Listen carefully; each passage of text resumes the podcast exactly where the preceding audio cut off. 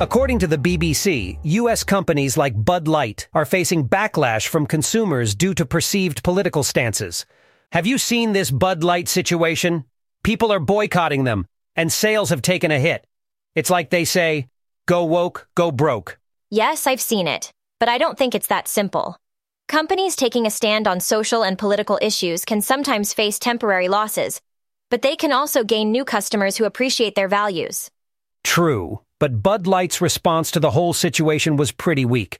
They didn't really stand Vi lytter til nyhedspodcasten 5 at 8, hvor værterne Mark og Linda hver dag diskuterer fem af døgnets vigtigste historier, denne gang altså blandt andet om woke-debatten i USA. Som udgangspunkt er det jo ikke i sig selv særlig banebrydende, indtil måske man får at vide, at Mark og Linda er syntetiske stemmer, og at alt i produktionen, fra indsamling af nyheder til manuskrivning, mix og udgivelse af podcasten, sker fuldt automatisk ved hjælp af en solid dosis kunstig intelligens. I agree that their response wasn't ideal, but I think the bigger issue here is that boycotts are becoming more common, and companies need to be prepared to handle them. Og jeg ved ikke mere, men jeg synes faktisk, at det er ret overbevisende. Overgivet og lidt kunstigt, ja, men absolut noget, man kan lytte til. Og selvom vi jo er evolutionært og hverdagsligt udviklet til at lytte til kendte stemmer og hurtigt opdager, hvis noget er galt, så er vi jo omvendt også efterhånden trænet til at lytte til kunstige stemmer, robottelefonsvarer og andre tekst-til-tale systemer.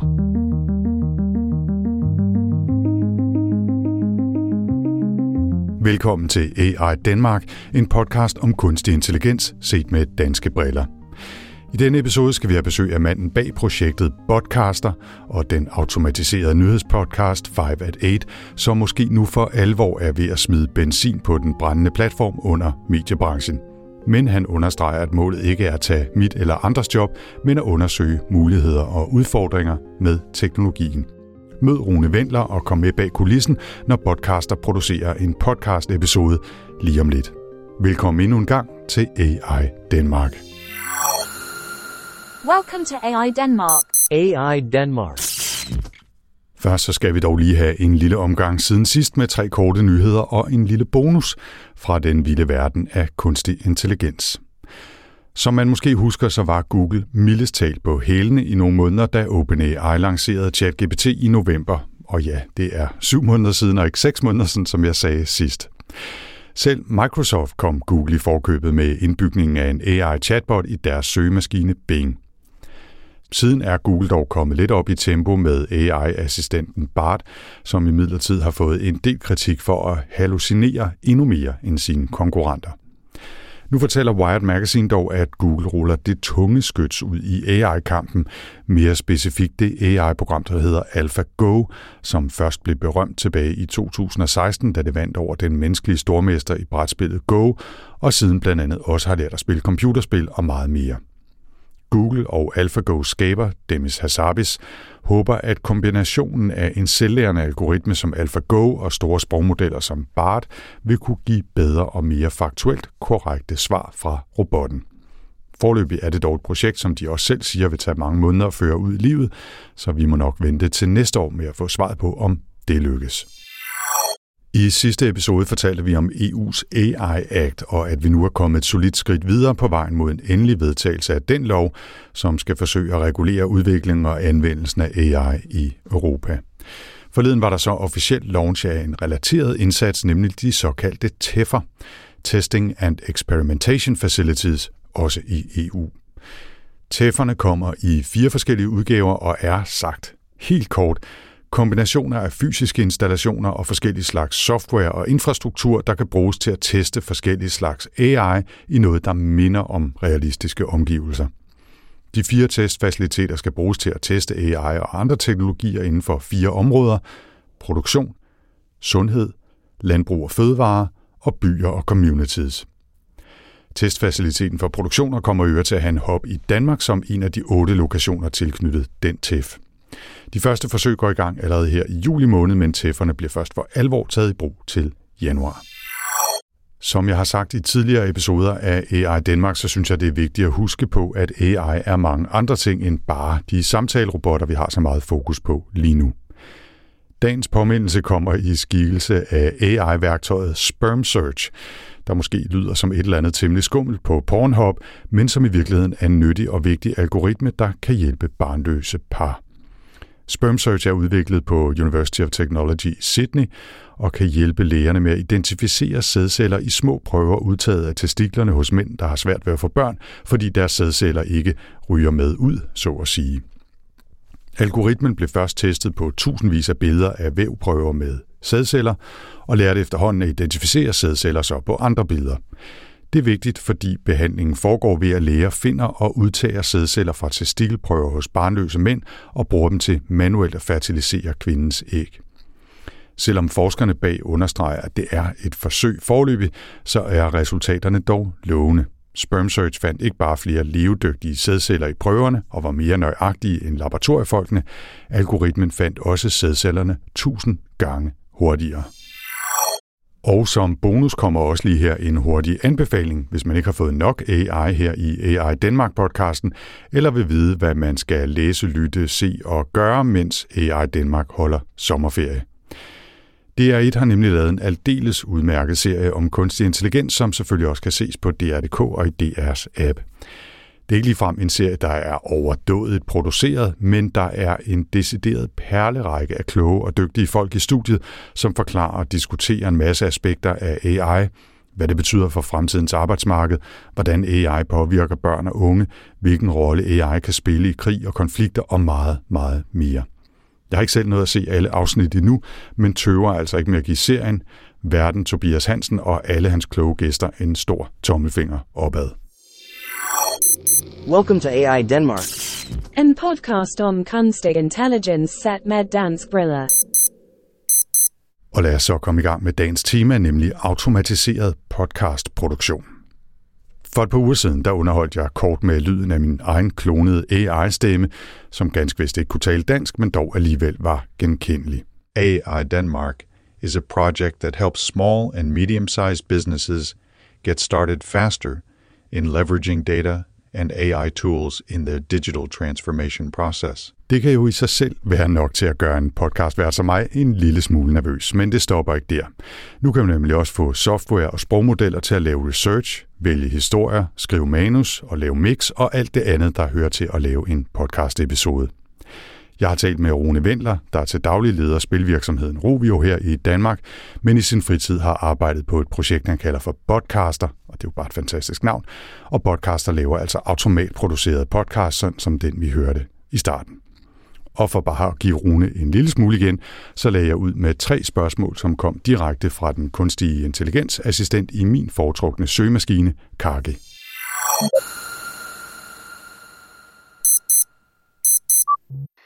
Hvad inspirerede dig til at lave automatiserede AI-podcasts i det her Podcaster-projekt? Det var nok først og fremmest, at jeg havde leget med, med ChatGPT og på diverse websider og prøvet at få den til at lave et rap battle og andre små ting. Men jeg vil egentlig gerne ud over det og prøve at lave noget, som var en rigtig ting, som kunne noget, i stedet for bare at være de her sjove øh, brug- og smid tests. Hvad er nogle potentielle anvendelsesområder for podcaster ud over nyhedspodcasts? Altså generelt kan man jo sige, at det er et værktøj, som kan producere et manuskript og omsætte det manuskript til lyd, øh, så man kan lytte til det. Og på en måde, der ser jeg egentlig podcasten som sådan en mellemstation, fordi det er et, et statisk stykke lyd, vi producerer der, og det er måske ikke specielt spændende i sig selv, sammenlignet med, hvad nu hvis det kunne være øh, målrettet den enkelte bruger og tilpasset deres behov. Hvilke råd vil du give til andre, som kunne tænke sig at kaste sig ud i et projekt som podcaster? Det bedste råd, jeg kan give, det er at starte småt. Ikke prøve at vente på en stor idé eller skabe noget stort, men, men start med noget småt og lad, lad det gro derfra. Det, det er nemt at fare vild lige nu i de tusindvis af stemmer, der vil give en god råd og synes, man skal bruge deres produkt, eller at de har fundet de visesten. Der tror jeg egentlig mere på, bare start noget småt selv og lær. Det var spørgsmålene fra en AI. Nu kommer det opfølgende spørgsmål for mig. Rune, hvor dårlig samvittighed har du over at øh, fjerne mit job ved at lave en automatiseret AI-podcast? Jamen, jeg tror, at lige nu fjerner jeg forhåbentlig ikke nogen jobs med det, jeg gør. Det, jeg prøver på, er jo at udforske og forstå, hvad det er, vi kan med det. Og forhåbentlig er vi alle sammen bedre stillet ved, at vi laver den undersøgelse og afprøver de her ting, og går fra at have nogle måske abstrakte forestillinger i hovedet om, hvad kunne fremtiden bringe, til at have nogle konkrete bud på det. Så forhåbentlig hjælper jeg alle. Welcome to AI Denmark. En podcast om kunstig intelligens sat med dansk briller. Det er måske på sin plads her at nævne, at Podcaster ikke er det første projekt i den her genre. Blandt andet laver det amerikanske firma Futuri også det, de kalder for Radio GPT. Men noget af det sjove med Podcaster er jo, at det bare er et lille fritidsprojekt, som viser, hvor relativt hurtigt man selv, hvis man har lidt kodekendskab, kan lave sit eget podcastværktøj. Men lad os så også følge op med mine egne spørgsmål til Rune, der her også lægger ud med at præsentere sig selv. Jamen, jeg hedder Rune Vendler. Jeg er 46 år og har arbejdet i spilbranchen jamen, nærmest siden jeg var teenager, og inden da jeg også legede med computer derhjemme, øh, næsten fra jeg kunne holde et joystick i hånden eller, eller skrive på et keyboard. Til hverdag der arbejder jeg i spilbranchen, som sagt, øh, i et firma, der hedder Rovio. Jeg er chef for studiet her i København, som er et af Rovios studier rundt i verden, og vi udvikler spil til mobil. Vi er nok bedst kendt for Angry Birds, øh, men laver også en række andre ting. I dag der skal vi jo ikke tale spil, selvom det også kunne være spændende, også i regi af, af kunstig intelligens og AI og forskellige former for avancerede algoritmer. Men vi skal tale om AI-produceret podcast eller automatiseret podcastproduktion. Hvad fik dig til at kaste over det? AI ramte jo rigtig hårdt tidligere, kan man sige, da, da ChatGPT ligesom kom på banen, og vi alle sammen måske blev rystet lidt ud af, hvor vi var hen og vores forskning om det, og pludselig kunne lege med noget, der føltes meget mere umiddelbart og meget mere øh, kraftfuldt, end det havde gjort indtil da. Øh, og det, det, det fangede mig da lynhurtigt, øh, og efter sådan at have, have lavet de der indledende sjov ballade, hvor man skriver noget i den og prøver nogle ting af og siger, hvad den kan og hvad den ikke kan, og griner lidt af det, øh, så havde jeg lyst til at prøve at komme ud over øh, det der stadie, hvor man, hvor man bare leger og smider væk, og det var da meget sjovt. Men prøv at sige, okay, hvad kan jeg rent faktisk med det her? Hvad, hvad, hvad, hvad kan jeg med det, som er større end bare en lille test? Hvad kan det bruges til? Måske ikke så meget, fordi jeg havde et eller andet specifikt produkt i tankerne på det tidspunkt, men mere for at blive klogere og begynde at lære at forstå, og ligesom gå fra bare at have forestillinger til at have fingrene en lille smule beskidt og forstå, hvad det her kan. Øh, så der gik jeg egentlig i gang med bare at begynde at bygge små prototyper ved hjælp af, API'erne, der var i det. Det første, jeg byggede, havde slet ikke noget med, med podcast at gøre, for eksempel. Øh, det var, jeg byggede egentlig bare sådan, at et, et speech-to-text interface, sådan at jeg kunne tale til ChatGPT, og et text-to-speech interface, sådan at den kunne svare øh, med, med lyd.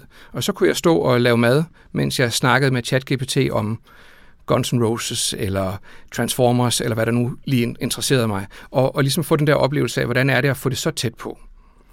Det lyder som et vildt fedt projekt. Øh, hvordan var det?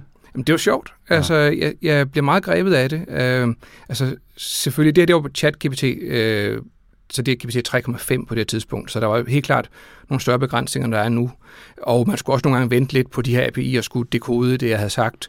Men, men oplevelsen var der, og, og den var meget umiddelbar, så snart man havde vendt sig til formatet. Men den var stadigvæk meget bare, det var bare ChatGPT, jeg har rappet. Øh, men det, det havde gjort, var, at det havde bragt mig i kontakt med alle de her API'er, Eleven Labs, Open, OpenAI's osv. Jeg havde sådan fået dem at se, og pludselig kunne jeg ligesom sige, okay, nu har jeg nogle værktøjer, jeg kan bruge til noget andet end, end bare at automatisere lyd, lydsiden af ChatGPT. Ja. Og det var så lidt det, der førte ind til, til at prøve at bygge en podcast.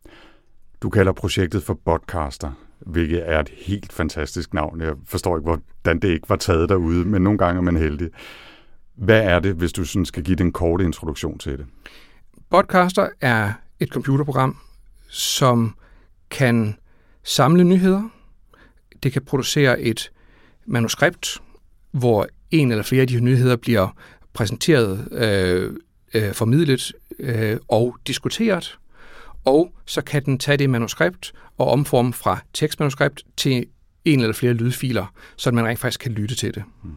Det er sådan, hvad kan man sige, mekanismen eller princippet i det. Ja. Øh, aktuelt i talende stund, og jeg kan sige, det er den 21. juni, vi sidder og taler sammen her, og det vil være fast vane for mig at nævne datoen, fordi tingene går så hurtigt, så det kan være anderledes, når, når episoden udkommer. Men i talende stund, der har du to podcasts, øh, som øh, bruger den her mekanisme. 5 at 8, som er en decideret nyhedspodcast, og Pivotal Days, som er en historiepodcast.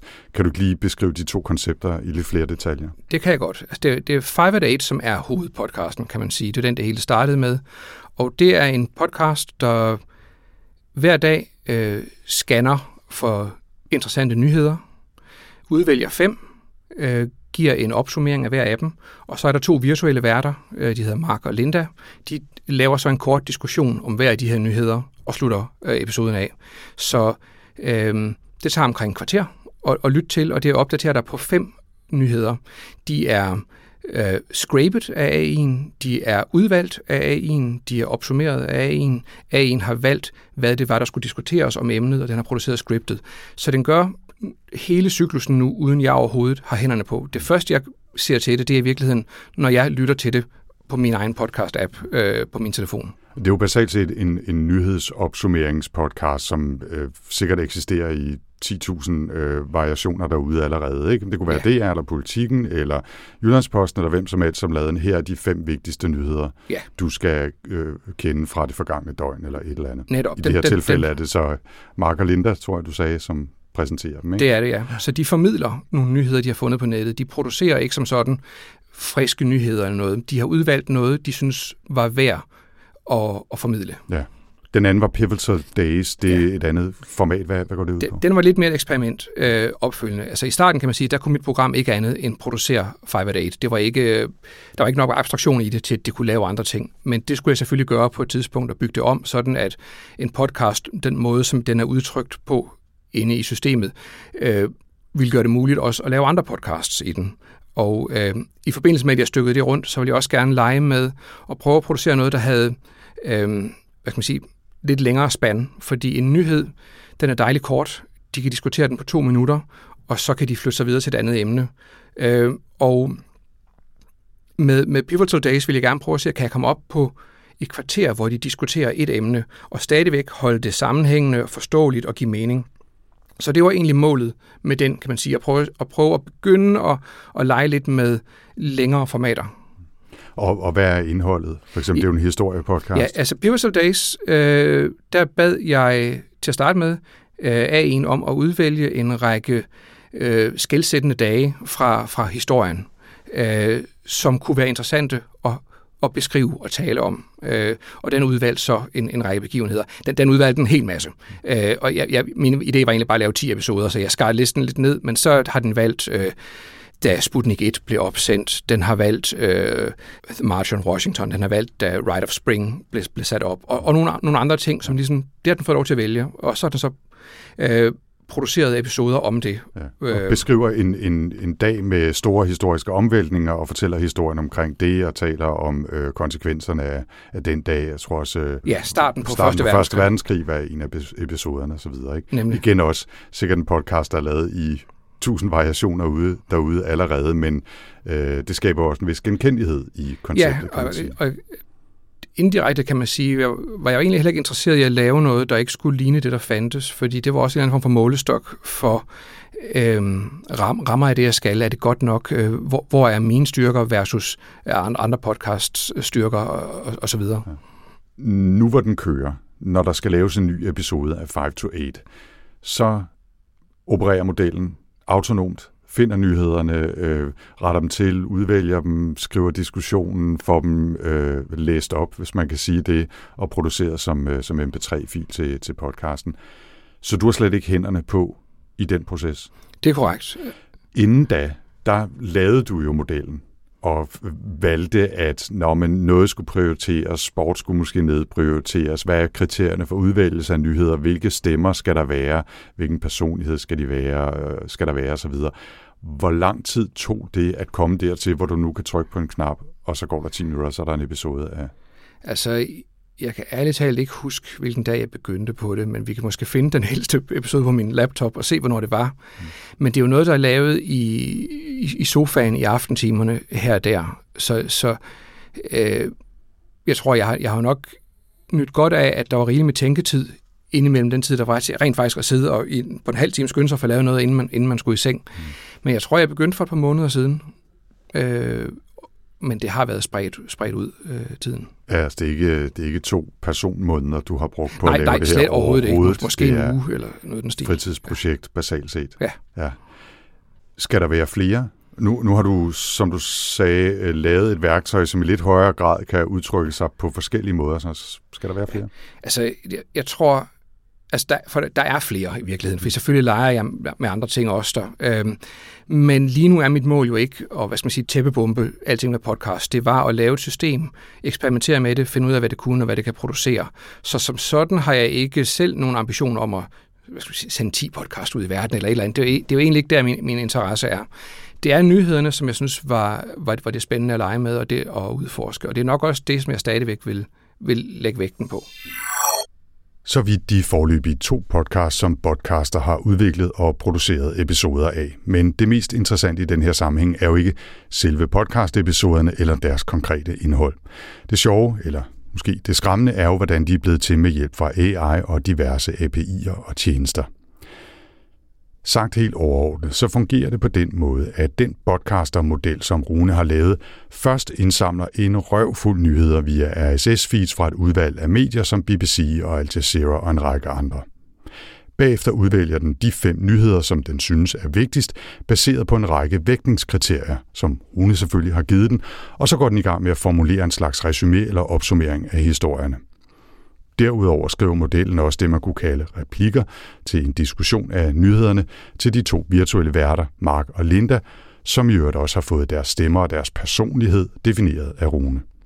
Til sidst, når en kombination af GPT 3,5 og GPT 4 har skrevet det færdige manus, så bliver teksten sendt forbi firmaet Eleven Labs, der har specialiseret sig i syntetiske stemmer, som så læser teksten højt, eller måske mere præcist gør teksten til lyd.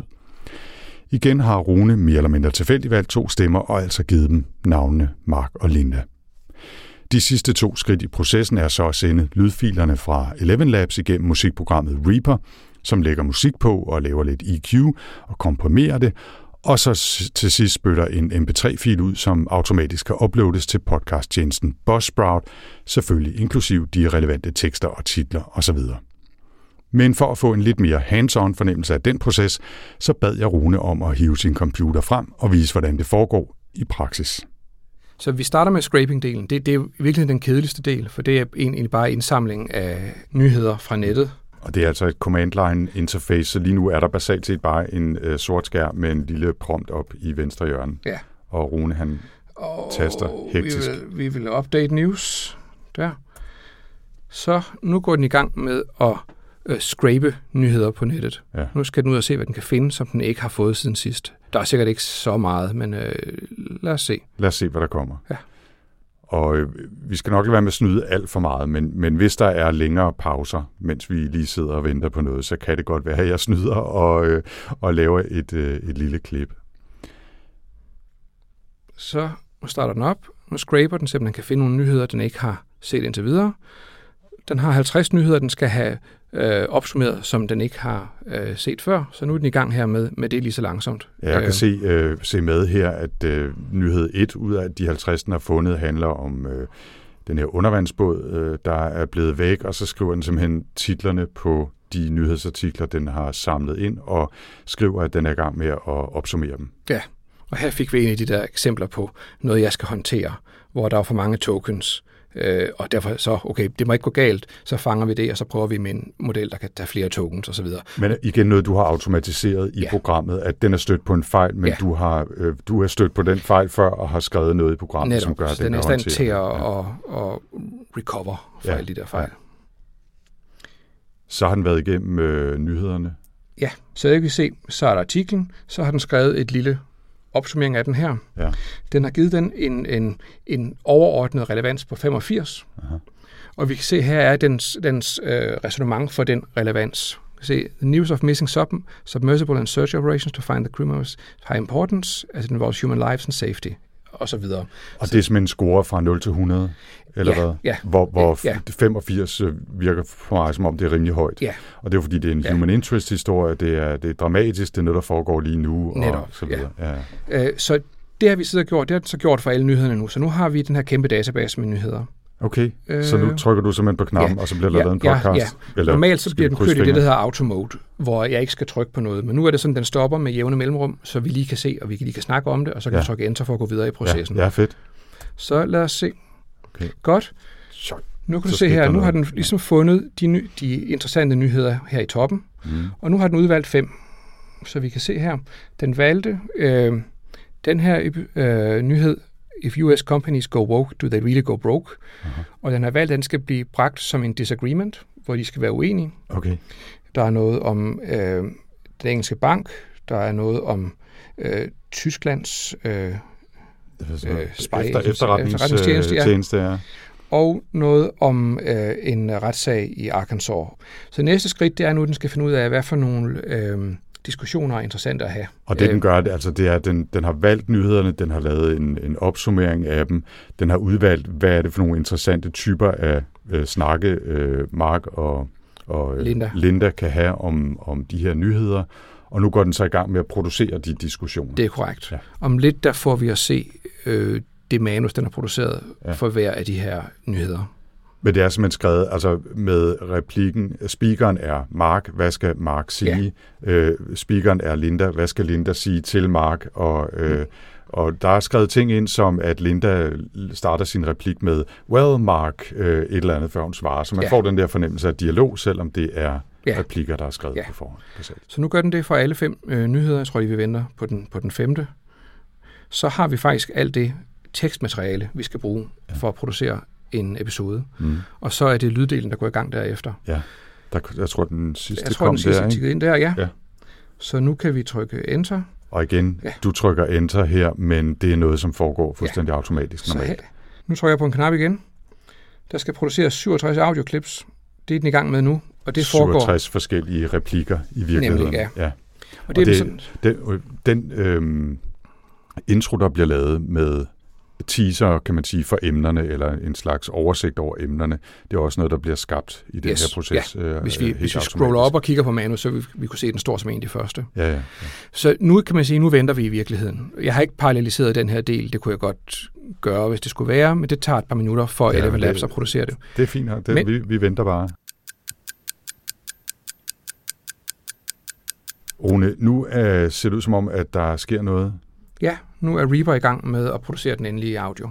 Den, den har simpelthen lavet klippene, og, og så er de nu ved at blive sendt til Reaper? Ja, Eller? øh, Podcaster har outputtet tre forskellige lydfiler. En for hver af værterne, og en med andre lydeffekter.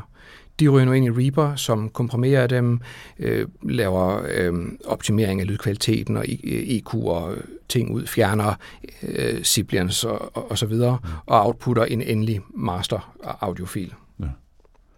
Og det står også at køre. Nu synes jeg, at vi kan høre, at computeren begynder at arbejde en lille smule. Det, der er sikkert lidt mere arbejde i det her, hvor meget af det andet, kan man sige, min computer var i høj grad den, der koreograferede det hele, men alle de tunge beregninger foregik hjemme hos OpenAI, hjemme hos Eleven Labs. Jeg skulle egentlig bare sætte dem i gang og få, få data tilbage. Men nu er det rent faktisk min computer, der lokalt skal gøre det. Mens din computer står og kværner lydfiler i Reaper, hvad koster det her?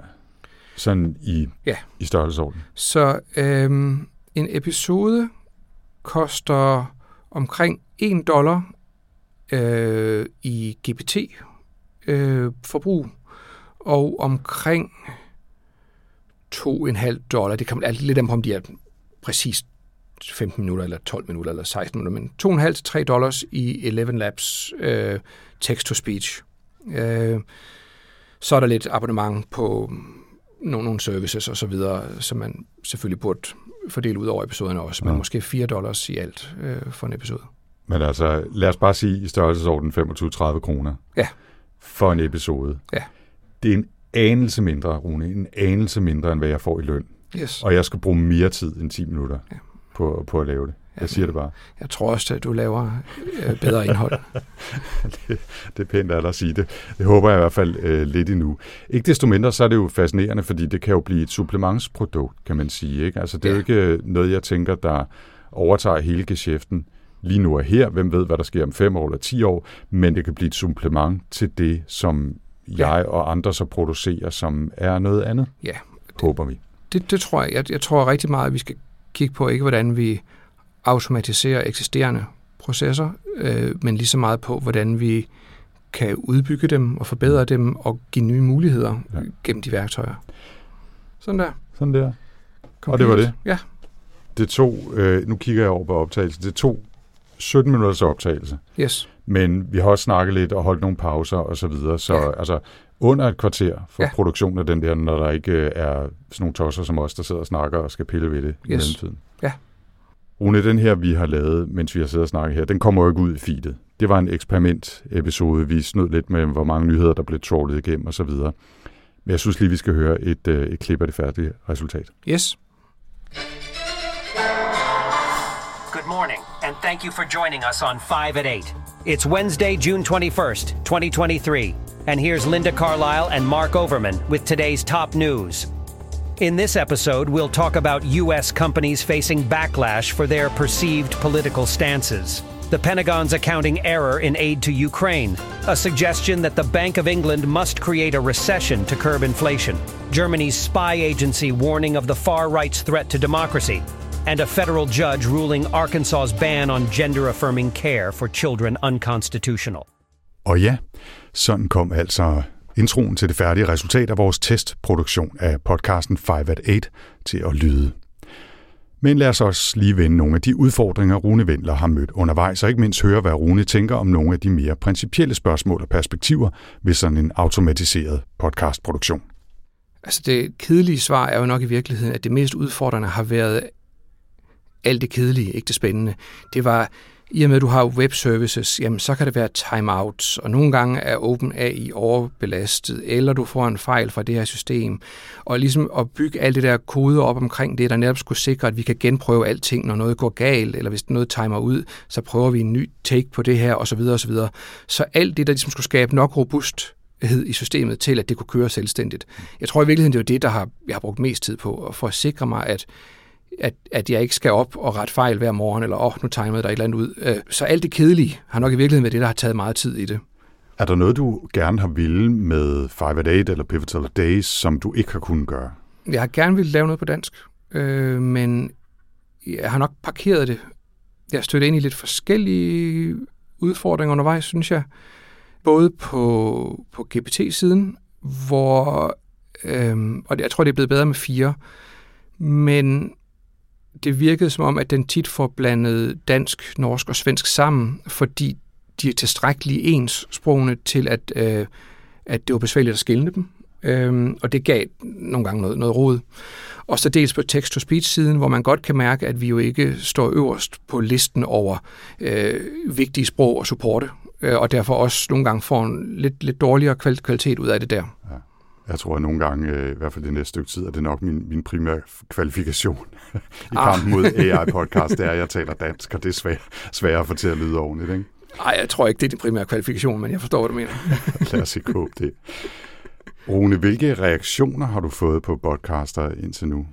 generelt meget positiv feedback. Altså, jeg har jo egentlig gået og produceret podcasten et stykke tid, hvor jeg ikke havde spredt den nogen steder rigtigt. Øhm, nogle af mine kolleger havde lyttet til det, min familie havde lyttet til det, øh, og var generelt positive om det, og synes det var interessant og spændende. Øh, men det er klart, meget, meget af det her er jo interessant og spændende første gang, du hører det. Øh, om de så også lytter anden gang eller tredje gang, handler jo lige pludselig mere om indholdet end, end nyhedsværdien i det. Og, og øh, selvfølgelig er der et frafald der, men der er folk, der lytter til det. Og så var det så lidt over en uge siden, tror jeg, at jeg ligesom sagde, nu er version 1, hvis jeg kan kalde det sådan, øh, færdig, og jeg postede det på LinkedIn, og det har været super spændende. Øh, rigtig meget feedback. Øh, stort set alt sammen positivt, vil jeg sige. Og øh, selvfølgelig øh, mange nysgerrige. Jeg, jeg kan jo sådan jeg kan se på min LinkedIn-profil, hvor, øh, hvor mange fra øh, forskellige nyhedsmedier og, øh, eller universiteter osv., der besøger min profil, og jeg kan, da, kan se, at der er en vældig interesse der, og der er så også en, en række af dem, der har ragt ud til mig, for eksempel dig, øh, men også øh, både øh, altså st- større institutioner, såvel som private firmaer også, der har udvist interesse. Der er ikke, ligesom jeg, bare i gåsøjne er interesseret i at tale med dig og høre om det, men måske også finde ud af, hvordan kan de selv bruge, skabe, købe noget lignende. Måske. Altså jeg tror, det er en blanding af det hele. Jeg tror, mange er jo interesseret i at lære, øh, og man kan sige, det var i virkeligheden mit mål også. Altså, det, det er spændende at producere en nyhedspodcast, det er sjovt at gøre, og det er, jeg kan jo godt lide, at, at, at folk kan lide at lytte til den, men det, det var jo mere noget andet, var det et læringsværktøj øh, for mig, for at forstå den fremtid, vi går i møde os. Hvad kunne du godt tænke dig at gøre fremover? Altså, hvad kunne det næste skridt blive for det her? Vi nævnte allerede det med, at det måske ville være cool at kunne lave det på dansk. Det kræver så måske nogle bedre syntetiske stemmer osv. Hvad er nogle idéer, du godt kunne tænke dig at arbejde på? Altså, jeg tror, hvis vi ser på det som en podcast, så der er den jo ikke, hvis man siger, indholdsmæssigt af samme kvalitet som en velskrevet podcast lavet af mennesker. Den, dens primære øh, fordel er, at den kan laves automatisk, øh, den kan laves på meget kort tid, og den er nem at øh, variere øh, i tone, i indhold, i omfang. Og jeg tror i virkeligheden, det er meget mere interessant end at producere en nyhedspodcast. Det er, er der en model, hvor vi kan personalisere den måde, nyheder bliver leveret til folk på. Ikke kun i emner, men også i øh, kompleksitet, i sprogbrug, i mm, øh, omfang osv., sådan så, så mange som muligt kan få øh, nyheder, som de er i stand til at tage ind og forholde sig til. Og der tror jeg, der er rigtig mange muligheder, for det, det taler lidt til styrken i, i i system som det her, nemlig at den hurtigt kan producere varianter, øh, sådan at de kan blive målrettet mod, mod øh, individuelle behov. Så det synes jeg er rigtig spændende at se, om der er noget i den retning. Jeg tror, de andre, altså sådan noget som Pivotal Days, er, er, er sjov, men det er lidt mere sjov ballade, og for, for at blive bedre til det, og for at øh, prøve kræfter med nogle andre udfordringer i det. Altså i, i sådan noget som 5 at 8 var der meget lidt risiko for at øh, hallucinere, som man siger, fordi det hele tiden er at forholde sig til en kort tekst, du er, du er givet. Øh, men, men en af tingene med Pivotal Days var så begynder at eksperimentere med, okay, nu skal der rent faktisk produceres 15 minutters indhold, som skal fact-checkes på en eller anden måde. Og så igen, og skal man sige, udfordre mig selv til, hvordan, hvordan er jeg nødt til at takle det i processen der. Men, men i det store billede, der, der tror jeg, det med at gå mod øhm, personaliserede nyheder, kunne være rigtig spændende at undersøge. Ja, øh, måske lidt tangentielt, så øh, kan jeg sagtens også se nogle næste skridt for mig, som kan pers- være personalisering, men måske også i en eller anden grad øh, interaktivt, altså næsten fungere som en digital øh, nyhedsassistent øh, på en eller anden måde. Ikke? Altså at sige, Nå, nu ved jeg tilfældigvis, der skete det der i går, så jeg vil gerne have de fem vigtigste nyheder, men du skal lige huske at have den der med også. Og så går der x antal øh, få minutter, og så kommer den nyhedspodcast med, som husker at tage den nyhed med, som jeg gerne vil høre noget om, som ja. skete i går. Ikke? Altså sådan øh, en, et bestillingsarbejde i virkeligheden. Ikke? Helt sikkert, og ja. det er oplagt at finde et format, hvor man kan bede om mere information, øh, uddybelse, når man gerne vil have det, forklaring af elementer, man ikke var med på, eller se det større billede, eller hvad, hvad end man har behov for, for at øh, bedst muligt kunne forholde sig til en nyhed. Ja, det, det er jo det spændende ekstra skridt for mig også. Jeg er glad for, at du også nævner det, Rune. Ikke? Netop det der med, at man kan sige, okay, det der, det forstod jeg ikke lige. Kan du ikke lige prøve at forklare den der nyhed for mig, som om jeg var 8, ikke? Altså, som jo er noget af det, som, som ChatGPT og de andre også kan mm-hmm. finde ud af at gøre, eller i hvert fald forsøge at gøre, ikke? Ja. Så, så den der form for dialogisk Nå, men det skal jeg lige have igen, kan du lige prøve at sige det igen, agtigt, øh, vil være sjov at kunne bygge ind i det her, fordi det ikke nødvendigvis bare er en statisk podcast, som er produceret af nogle mennesker, som sidder et eller andet andet sted og øver der i gang noget helt andet nu. Ja. Ikke? Ja. Gør du der nogle tanker om de lidt større perspektiver øh, for nyhedsbranchen, for mediebranchen, altså at nu kommer der en eller anden form for automatiseret konkurrence til den der fagligt tunge redaktionelle nyhedsudvælgelse og kuratering? Altså, det begynder der at trænge sig mere på at tænke over det. Jeg vil sige, jeg har først og fremmest angrebet det her som en teknisk udfordring. Jeg har ikke noget særligt indblik i nyhedsbranchen eller, eller belæg for at udtale mig om, om, om den, så det, det vil jeg gerne passe på med, kan, man sige. Mm. Men jeg synes, det er, jo, det er jo tydeligt, at vi har at gøre med en teknologi, som vi kan ikke sige præcis hvordan, fordi ingen, ingen af os kan, kan se fremtiden så, så klart, men vi kan se, at den kommer til at sætte sit præg på rigtig, rigtig mange personers virke. Så jeg tror, det er enormt vigtigt, at vi begynder at overveje det. Øhm, jeg tror, jeg er stillet stadigvæk på et stadie, hvor jeg indsamler data, indsamler empiri, mere end jeg er på et stadie, hvor jeg kan begynde at give svar på, hvad jeg tror er det rigtige eller forkert at gøre i, i en masse af de her sammenhænge. Men jeg tror, det er jo super vigtigt at tage alvorligt. Og det tror jeg, vi allerbedst gør øh, ikke ved at pakke det væk, men, men ved at beskæftige os med det. 5 at 8 is researched, written and performed by artificial intelligence. For more information, visit botcaster.ai. Og det fortalte altså her Rune Vendler, der til daglig arbejder i Rovio, men som altså også dyrker sin indre AI-udvikler i sideprojektet Podcaster. Vi linker selvfølgelig til Podcaster og til de korte nyheder og bonusen fra vores show notes.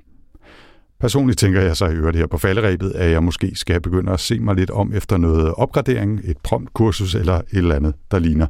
Og så er det nok en god idé at fortsætte med at lave interviewbaserede podcasts, som kræver lidt mere redaktionelt arbejde og lidt mere redigering. Og ellers må jeg måske bare sætte min lid til, at dansk tekst til tale stadig halter noget efter de store sprog.